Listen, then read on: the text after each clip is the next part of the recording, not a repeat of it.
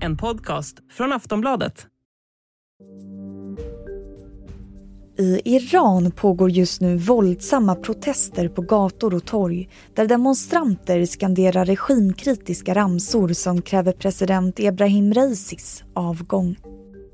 Anledningen till protesterna är helt enkelt skenande livsmedelspriser. Why are people angry?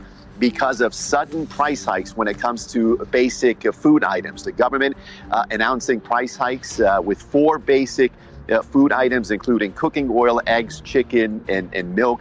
Other food items, including sandwich bread, pasta, flour, uh, they've gone up as well. Ja, den senaste tiden har livsmedelspriserna skjutit i höjden i Iran. Mjöl och mjölk, matolja, ägg och kyckling har blivit flera hundra procent dyrare. På sociala medier lägger folk upp bilder på mackor fyllda med spaghetti och skämtar om att det är den nya lyxmaten i Iran. Men problemet är givetvis allvarligt. Så vad beror de skenande priserna på? Ja, bland annat på att Ryssland och Ukraina har varit Irans främsta leverantörer av matolja och mjöl. En leveranskedja som nu störts på grund av kriget. Men problemen har också djupare rötter än så. Omvärldens sanktioner, inrikes subventioner och en hög inflation har alla delar i den kaosartade situationen som nu har uppstått. Så idag i Aftonbladet Daily hoppas vi bringa lite klarhet i vad det är som ligger bakom de här skenande livsmedelspriserna och de stora protesterna i Iran. Med oss i studion har vi Sofie Tanha, reporter på TT. Jag heter Vilma Ljunggren. Hej Sofie Tanha och välkommen hit. Tack så mycket. Det pågår ju stora protester runt om i Iran just nu. Vad är det folk protesterar mot? Det som eh, triggade igång de här protesterna var när eh, regeringen i början av maj meddelade att man kommer göra om ett liksom, subventionssystem som har gjort att spannmålen och den här viktigaste maten som, som vardags-Iranien köper, de priserna kommer öka och det har de gjort. De har skjutit i höjden på bara några dagar och det här var vad som triggade igång protesterna. Eh, men sen dess, så som ganska ofta sker i Iran, så utvecklas de snabbt till att kritisera regimen i stort. Man ropar död åt diktatorn till, eh, på gatorna, eh, död åt Raisi, alltså president Ebrahim Raisi och ayatollah Khamenei. Och protesterar man i hela landet eller är det vissa regioner som det här sker i? Det började i främst regioner i eh, södra och sydvästra Iran. Um, och sen nu så har de spridits till att vara i, i regioner, provinser över i stort sett hela liksom, landet. Men det som är ganska speciellt för de här demonstrationerna och så som ganska ofta sker i Iran är att det gnistan tänds i eh, mindre och mellanstora städer. Det har, inte, det har kommit några rapporter om demonstrationer i storstäderna, i huvudstaden Teheran och det området däromkring. Men det är främst i mellanstora städer som den här vågen av protester har inletts.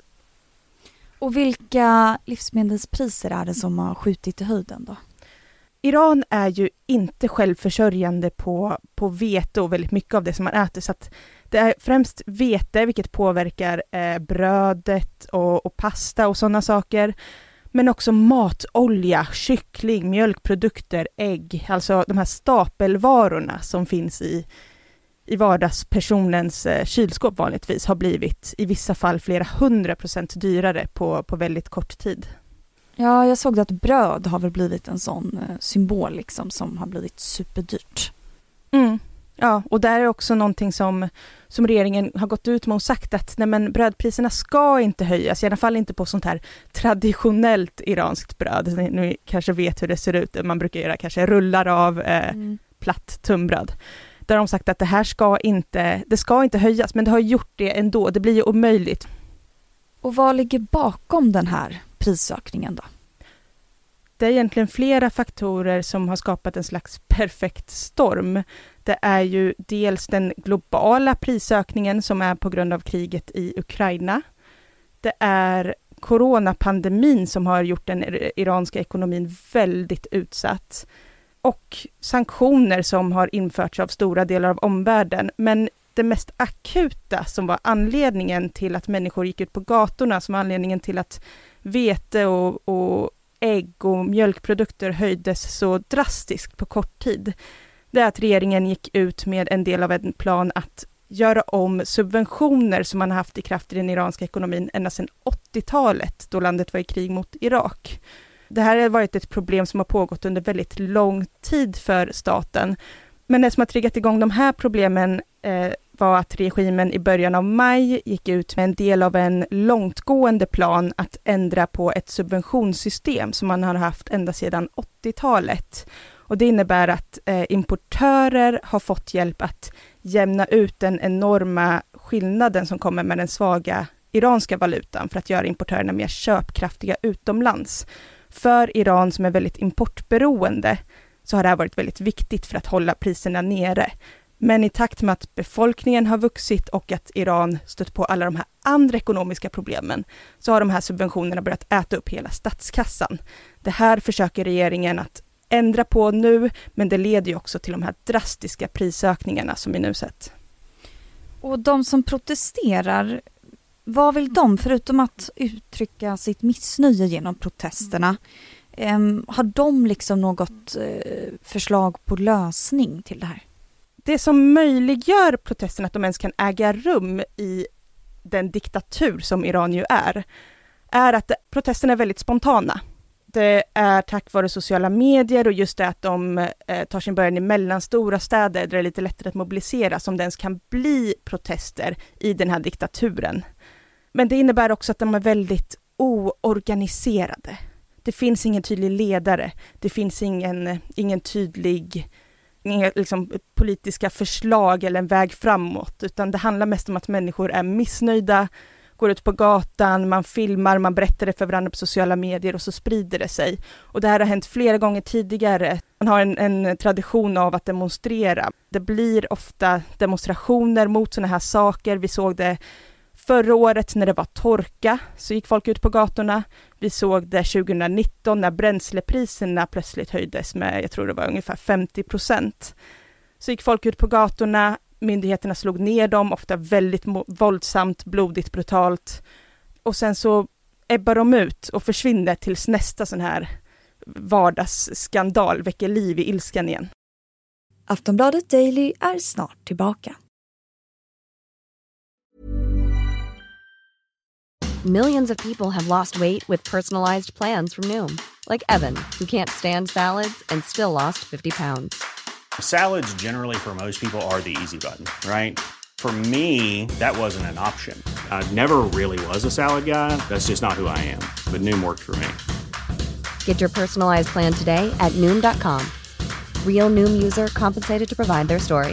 In four weeks, the typical Noom user can expect to lose one to two pounds per week. Individual results may vary.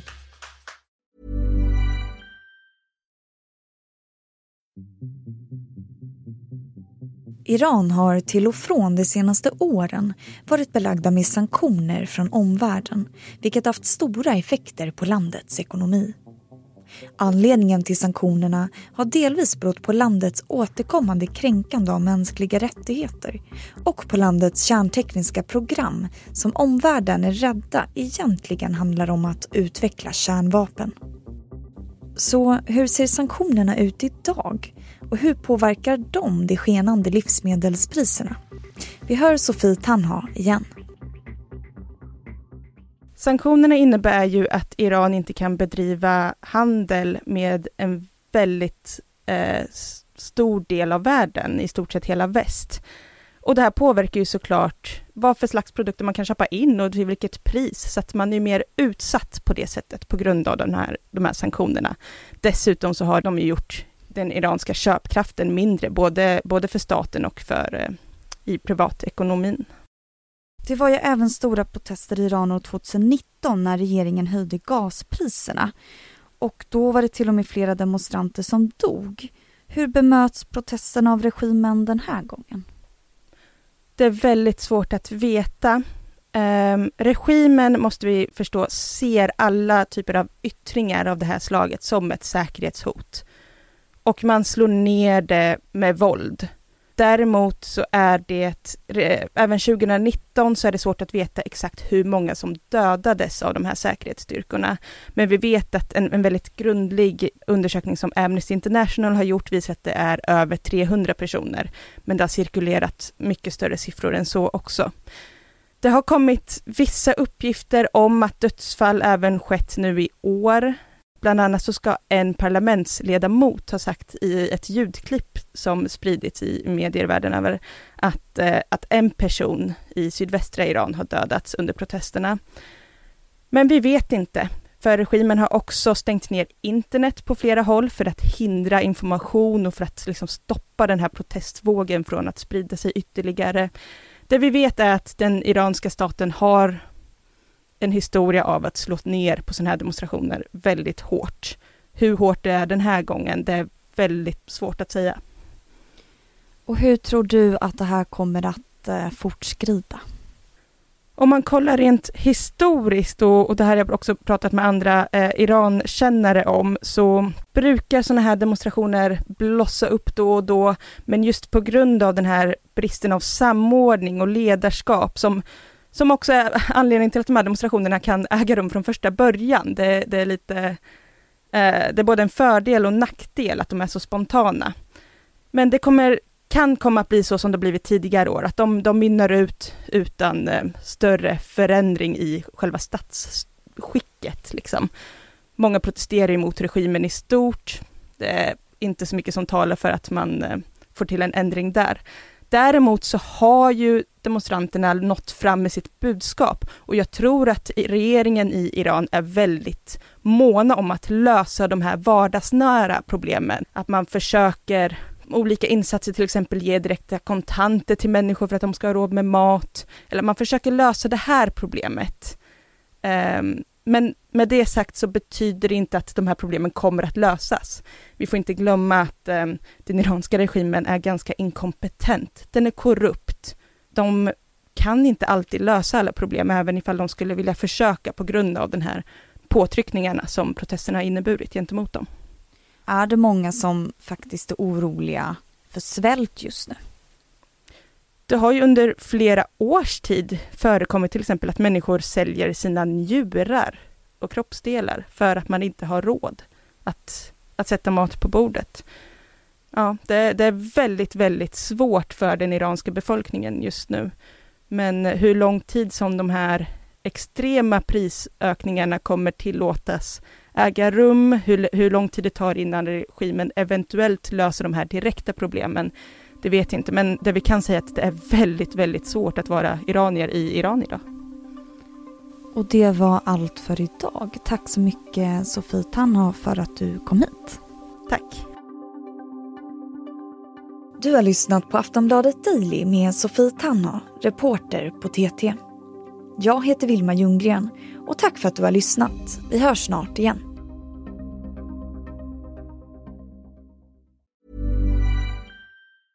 A lot can happen in three years, like a chatbot may be your new best friend. But what won't change? Needing health insurance. United Healthcare Tri Term Medical Plans, underwritten by Golden Rule Insurance Company, offer flexible, budget friendly coverage that lasts nearly three years in some states. Learn more at uh1.com. Du har lyssnat på en podcast från Aftonbladet. Ansvarig utgivare är Lena K Samuelsson. Tired of ads barging into your favorite news podcasts? Good news. Ad-free listening is available on Amazon Music for all the music plus top podcasts included with your Prime membership. Stay up to date on everything newsworthy by downloading the Amazon Music app for free or go to amazon.com slash news ad free. That's amazon.com slash news ad free to catch up on the latest episodes without the ads.